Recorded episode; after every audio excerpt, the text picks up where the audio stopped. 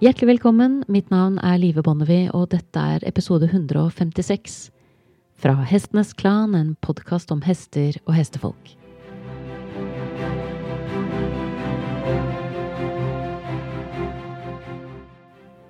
En viktig drivkraft bak denne podkasten har hele veien vært det fascinerende paradokset at vi elsker hestene våre, men ikke alltid behandler dem på en måte som gjenspeiler den dype kjærligheten vi føler for dem. Det kan handle om flere ting. At vi ikke forstår dem godt nok, at vi ikke kan nok om dem, at vi mangler erfaring, eller at vi ikke leser dem godt nok, for å nevne noe. Det siste året så er det flere lyttere som har sendt meg videoer som avdekker ulike utfordringer i hesteholdet deres. Det kan være såkalt uønsket atferd, det kan være en situasjon der hesten gjør noe de ikke forstår, det kan være et tilbakevendende problem som de ikke klarer å løse, og det er uhyre sjelden at det jeg ser ikke kan spores tilbake til hvordan hesten har blitt eller blir holdt, håndtert eller ridd. Men det er ikke disse hestene som bekymrer meg, for dette er hester med eiere som har fanget opp at det er noe som ikke stemmer, og som har begynt å ta grep for å finne ut av det. Hestene som virkelig bekymrer meg, det er hestene der eieren tenker at alt er såre vel, men at hesten forteller en litt annen historie. I verste fall en helt annen historie. Og dette er dessverre mer utbredt enn man skulle tro. I forbindelse med arbeidet med denne podkasten så reiser jeg jo mye rundt, og jeg er innom ulike staller og observerer mye hester. Hester som står oppstallet, som står i paddocker, som trenes i ridehus eller på ridebane og det er noen ganger helt uunngåelig å tenke tilbake på en trener jeg besøkte for flere år siden, som snakket om at stadig flere hester fremsto som deprimerte. Så mange at det ble sammenlignet med en pandemi. Jeg ser nok ikke like mørkt på det, men jeg ser mye hest som helt klart kunne hatt det veldig mye bedre, ofte med enkle midler. Og det dreier seg nesten alltid om høyt elskede hester, som ikke blir sett eller hørt på ordentlig, men som likevel gjør det de blir bedt om, til de ikke gjør det så kunne man kanskje innvende at så lenge hesten gjør det som den får beskjed om, så er ting ok, men er det det? At en hest som oppfattes som uvillig kan være plaget av smerter eller ubehag, det er en kjent sak. Den kan også være offer for trening som ikke fungerer av ulike grunner. Dette er jo tilbakevendende temaer fra denne podkasten. Det samme er viktigheten av å se på hesten med et mykere blikk, fordi man fanger opp og ser så mye mer. I forrige uke så kom jeg for eksempel over en video der en fyr skulle lære en ung hest å gå over en presenning, som er en ganske utbredt øvelse i deler av hestemiljøet. Og for meg så ble denne videoen nok et grelt eksempel på en måte å håndtere og trene hester på, som vi er nødt til å adressere, og som vi er nødt til å begynne å legge bak oss nå. At rundt 70 000 mennesker ikke bare har trykket liker på denne videoen, men i tillegg også lagt inn kommentarer om at de mener det er great horsemanship, det er en blanding av å være opprørende og sørgelig. Det er fristende å legge ut denne videoen på hjemmesiden min som en illustrasjon, men jeg ønsker ikke å bidra til at videoer som dette får visninger. Tvert imot.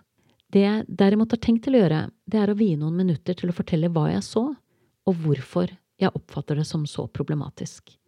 Vi befinner oss i videoen i en rundpaddock, og det er lagt en presenning på ca. to ganger to meter på bakken.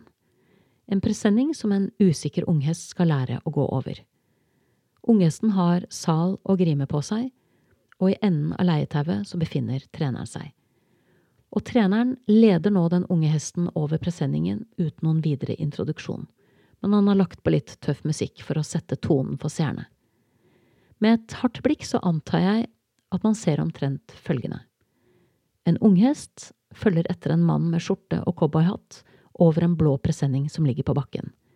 Den følger etter uten å nøle men halvveis over presenningen kaster den seg plutselig fram i et hopp som ender i en rask galopp, og cowboyen må ta den inn på en volte og begynne på nytt. For tanken er selvfølgelig at unghesten skal ikke bare komme seg over eh, presenningen, men den skal gå rolig over. På forsøk nummer to så går unghesten inn på den første halvdelen av presenningen, men der stopper den brått før bakbeina treffer plasten. Så rygger den tilbake og steiler til siden men nå gjør cowboyen alt etter boka, han slipper ikke opp på leietauet. Så selv om unghesten klarer å unngå presenningen, klarer den ikke å komme unna det presset som nå kommer mot nakken. Og det er jo bra, for da skjønner den at det ikke lønner seg å rygge eller å steile. På tredje forsøk så nekter unghesten å ta et eneste steg inn på presenningen, Og det kunne man jo tenkt var et steg tilbake i treningen av hesten, men treneren sørger for å holde dette leietauet stramt og gir jo ikke på noen måte etter. Selv når unghesten steiler igjen, og det er jo også bra, for det skal jo ikke lønne seg å gå mot presset hesten kjenner gjennom leietauet. Det er tross alt ikke den som bestemmer. På fjerde forsøk så er frembeina tilbake på presenningen, men der blir unghesten stående som om den var plantet til bakken. Så kommer det et ganske markant klipp i videoen, og det mangler noen biter i puslespillet. Men neste gang vi kommer inn i situasjonen, så ser vi den unge hesten gå over presenningen igjen. Den er fortsatt litt rask til å komme seg over den siste halvdelen, så der må det jobbes mer, og det innser treneren. Sjette, syvende og åttende forsøk på leie over eh, presenningen er ganske like. Unghesten går med hodet lavt mot bakken og har løst leietau, for nå har den lært at trykket mot grimmen ikke blir borte før den følger mannen over presenningen, så nå følger den etter, men de siste stegene er fortsatt travle og hektiske. Niende og tiende gang over presenningen, så er fortsatt eh, hesten ikke blitt eh, avslappet, og igjen er det de siste stegene som blir litt travlere, men det går i hvert fall over presenningen begge ganger uten å protestere, og det er jo et stort steg fremover og godt nok for treneren. Han går nå videre over til neste øvelse, og for dette kunststykket som det var å leie denne unge hesten over presenningen, så renner det inn med komplimenter. Dette er glimrende løst, det er helt etter boka, og neste øvelse nå, det er å ri over presenningen. Og etter tre forsøk på lange tøyler, med det samme hektiske steget som på de to siste forsøkene fra bakken, så går det noe roligere på tredje forsøk. Og da er cowboyen synlig fornøyd. Målet er nådd, og internett svarer bra jobba.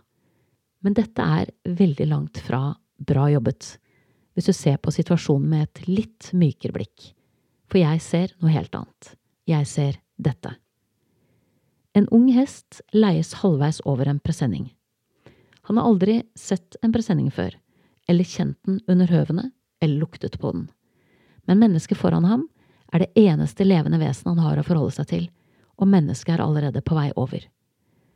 Denne unghesten befinner seg allerede i en potensielt livsfarlig situasjon, for han er uten flokken sin og han har ingen etablert relasjon til mennesket foran seg. Når han er halvveis over presenningen, skyter adrenalinet hans i taket, og det samme gjør kroppen. Han hopper skremt fremover mot treneren og ledes inn i en volte i galopp. Hva som utløste denne kraftige, men helt normale reaksjonen på et helt ukjent underlag, er åpent for tolkning, og det er mange muligheter. Det kan ha vært lyden, som ble tydeligere med fire høver enn med to eller at lyden plutselig kom bakfra, fra et område der rovdyr ofte angriper, for unghesten skvatt i det øyeblikket bakhøvene hans traff presenningen. Det kan også hende at presenningen beveget seg litt der den lå på bakken, men så lite at ikke vi mennesker fanget det opp.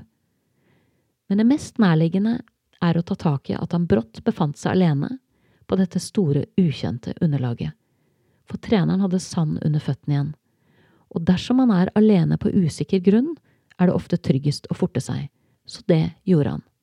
Han fortet seg det forteste han kunne. For en hest så er det sjelden gode nyheter å være alene når man opplever noe som avviker fra normalen. Og hvis man kan noe som helst om hester, så vil det å bygge en trygg og god relasjon, og det å bygge en trygg og god hest, være noe man tar seg tid til å gjøre på ordentlig. Å nøye seg med å sette opp en situasjon som svekker sjansen for at unghestens første møte med presenningen blir en god opplevelse, er ikke å gjøre det ordentlig. Hvis det første møtet med presenningen blir en skremmende opplevelse, så starter man ikke på null når man leier hesten over for andre gang. Da starter man på minus. For nå har vi gjort en hest som i utgangspunktet ikke var redd for presenningen, redd for presenningen. For å ta det første først. Å be en hest, ung eller gammel, om å utforske noe helt nytt og potensielt skremmende, når den allerede er utrygg, det er en meningsløs øvelse. Unghesten i denne videoen var langt utenfor toleransevinduet sitt allerede fra start. Det vil si at han var i en sinnstilstand der han ikke var åpen for å lære noe nytt. Det er ikke av vond vilje, det er bare sånn en hest fungerer. Og hvis vi ber om altfor mye allerede fra start, så er sjansen for at resultatet blir et voldsomt adrenalinrush og full ryggmargsrefleks, vil si raske galoppslag i panikk, bortimot 100% Du kan selvfølgelig ha flaks. Det kan gå bra den første gangen, men det går bare bra til det ikke gjør det. For hesten har ikke lært å gå over presenningen bare fordi den går over presenningen én gang. Blir han skremt derimot, så sitter læringen godt inn i margen allerede på første forsøk. Det er sånn hester overlever. Andre gang ungehesten ledes over presenningen i videoen, så er han naturlig nok uhyre skeptisk, for han ble livredd på første forsøk. Så denne gangen velger han å bråstoppe halvveis over, for deretter å rygge. For han vet at det skjedde noe skremmende da han plantet bakbeina på presenningen sist, så han vil for enhver pris unngå å gjøre det igjen. Men når han rygger, så drar han med seg litt av presenningen, så den lager enda mer lyd, og beveger seg på enda en ny måte. Og alt dette er nytt for ham, for det er ingen som har tatt seg tid til å la ham undersøke presenningen i forkant. Og det blir såpass skummelt at han steiler til siden for å komme bort. Men leietauet holdes stramt, selvsagt, for det er jo hesten som skal gi etter, ikke mannen. Så det eneste mannen oppnår her, det er å sementere den første negative erfaringen. Presenningen er skummel, og nå gjør det også vondt å være i nærheten av den. På tredje forsøk leier mannen hesten over presenningen fra motsatt side som om det ikke har noe å si. Og det resulterer ganske forutsigbart i at hesten nekter å tråkke på presenningen overhodet. For på dette tidspunktet så er presenningen, som unghesten var villig til å tråkke på med alle fire beina, blitt et stort og skummelt objekt man bør holde seg langt unna. Og å se dette objektet fra motsatt side gjør det ikke enklere for hesten. Tvert imot. Presenningen var allerede skummel, og nå ser den i tillegg helt annerledes ut. Så kommer vi til fjerde forsøk, der unghesten planter begge frambeina på presenningen og nekter å ta et eneste steg til. Det er her det mangler noen viktige biter i puslespillet. Og det er bitene som viser hvor mye masing, jaging og ubehag som skulle til før hesten lot seg presse til å gå over presenningen på nytt. Men når vi ser ham gå over presenningen den neste gangen, så drar han til seg bakbeina på vei over, som om han venter at presenningen kommer til å sprette opp og bite tak i ham og dette mønsteret beholder han gjennom de neste rundene han går over presenningen. Og det syns cowboyen er godt nok. Noe som igjen vitner om store hull i kompetansen. For ikke bare har han lært hesten at presenningen er lik trøbbel. Han har også lært hesten at det er ikke noe støtte å få hos mennesket hvis ting blir skummelt. Og som ikke det var nok, så har han i tillegg valgt å avslutte det han har påbegynt på et tidspunkt hvor hesten ikke har fått ned pulsen igjen, så man går ut av situasjonen med presenningen på en høy note, der den burde vært lav, dempet og behagelig, så er den skarp og litt dirrende. Det plager meg at folk som har så dårlig innsikt i hvordan hester lærer, velger å bruke internettet til å øse ut av sin manglende kompetanse. Hvorfor deles det ut poeng for å skape problemer, og deretter løser dem på en dårlig måte, og la hesten betale prisen i form av noe som i beste fall blir stress og ubehag, men i verste fall blir redsel og smerte? Skal vi legge lista der, eller skal vi prøve å gjøre det bedre? Å gape over for mye, og samtidig skremme hesten eller gjøre den utrygg, det er ikke god håndtering og trening av hest. Det vitner om grunnleggende hull i forståelsen av hva en hest er, og hvordan den lærer. Det er viktig å huske at hester er lettlærte, samarbeidsvillige, nysgjerrige og følsomme av natur. Hesten lærer fort, husker godt og har en bemerkelsesverdig evne til å tilpasse seg våre behov. Den er mer samarbeidsvillig enn dine beste kollegaer. Den er så nysgjerrig at bortimot alt vekker interesse. Og den er så følsom at den kan merke stemningsskifter og endringer i kroppsspråket ditt som er så subtile at du ofte ikke er i stand til å kjenne dem selv. Så hvis dyret som møter deg i stallen ikke matcher denne beskrivelsen, så er mitt råd å bli nysgjerrig. Begynn å lete etter hvorfor, og ta deg god tid til å finne svaret. Og tid er det første stikkordet i denne episoden. For hvis du ber hesten om noe, og den ikke reagerer med en gang, eller ikke svarer som forventet, så er ikke det det samme som at den ikke forholder seg til det du ba om, eller at den ikke er villig til å gjøre det du ba om. Det kan hende at den bare trenger litt tid til å svare. Tid til å områ seg, tid til å stokke om på sin egen kropp. For i en situasjon der hesten ikke har adrenalinet oppe, så har den det ikke travelt. Det er det vi som har. Timing er det andre stikkordet. Det er ikke bare det du gjør, men når du gjør det, som avgjør hva hesten lærer. Og i denne fasen så er det du som har det travelt. For tidsvinduet du har til rådighet, er på mindre enn ett sekund. Pust er det tredje stikkordet mitt.